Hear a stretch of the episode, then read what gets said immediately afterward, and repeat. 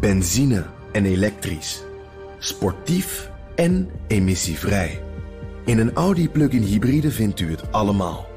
Ervaar de A6, Q5, Q7 en Q8 standaard met quattro vierwielaandrijving. Wat u ook zoekt, u vindt het in een Audi. Audi. Voorsprong door techniek. Met het vertrek van minister van Buitenlandse Zaken Halbe Zijlstra is de discussie over fake nieuws nog eens aangezwengeld. Met bijna zichtbaar plezier beschuldigden de Russen nu Nederland van het verspreiden van nepnieuws. Ondertussen gaan de beleidsmakers in Europese landen door met een strijd tegen Russische propaganda die verwarring moet veroorzaken. Europa-verslaggever Jesse Pinster. Jesse, er ligt anti-fake nieuws wetgeving klaar in Frankrijk. Hoe ziet die eruit? Ja, dat is nog steeds niet helemaal duidelijk. Het zou deze week ingediend worden bij het Franse parlement. Maar dat is nog steeds niet gebeurd. Geeft misschien ook wel aan hoe moeilijk het is. Maar dat die wetgeving er aankomt, dat weten we zeker. Want dat is door Emmanuel Macron, de president van Frankrijk, eerder al aangekondigd. Ja, maar toch interessant. Hè? Want uh, als je het hebt over nepnieuws, dan moet je ook een heldere definitie van nepnieuws hebben. Die is er nog niet. Hoe weten de Fransen dan welke berichten ze aan moeten pakken en welke niet?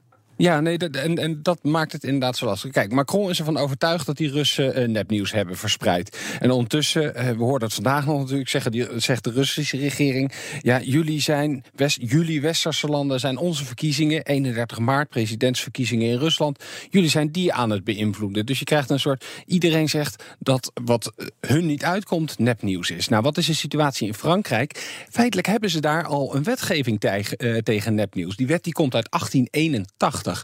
Nu gaan ze daar uh, ja, toch wat, wat nieuws mee doen. Maar wat ze niet doen, is uh, een nieuwe definitie daarin zetten. Dus wat staat er in die stokoude Franse wet? Daar staat eigenlijk dat als je aantoont dat nieuwsberichten feitelijk onjuist zijn, dat nog helemaal niet voldoende is om te zeggen: hier is nepnieuws.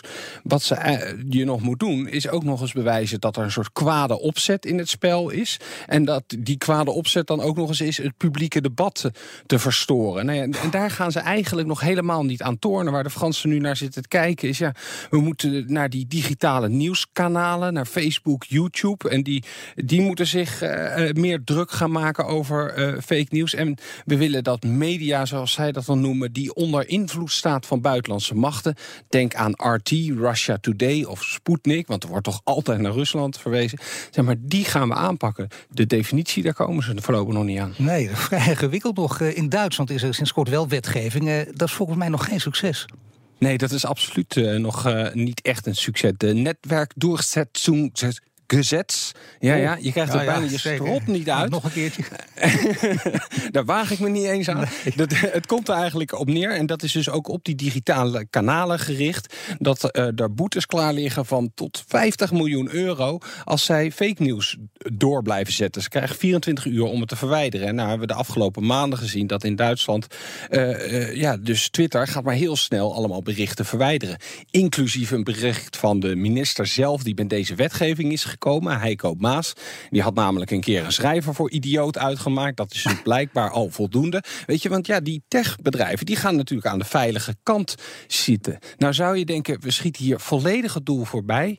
Maar gelukkig zag ik net een Duits onderzoek. En daaruit blijkt dat burgers eigenlijk misschien ook wel doordat deze discussie nu zo uh, uh, gevoerd wordt, uh, zich steeds bewuster zijn en steeds meer wantrouwen wat er op sociale media gezegd wordt. En ze zien zelfs dat gevestigde media in Duitsland steeds meer vertrouwd worden. Dus weet je, misschien is de discussie over de wetten al voldoende om iets te bereiken.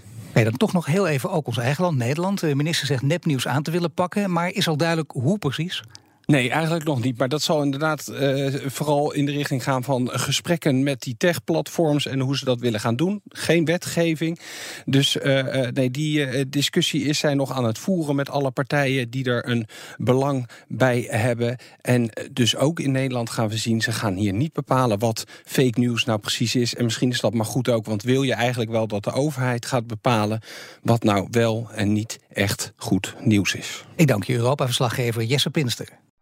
Benzine en elektrisch. Sportief en emissievrij. In een Audi plug-in hybride vindt u het allemaal. Ervaar de A6, Q5, Q7 en Q8 standaard met quattro vierwielaandrijving. Wat u ook zoekt, u vindt het in een Audi. Audi. Voorsprong door techniek.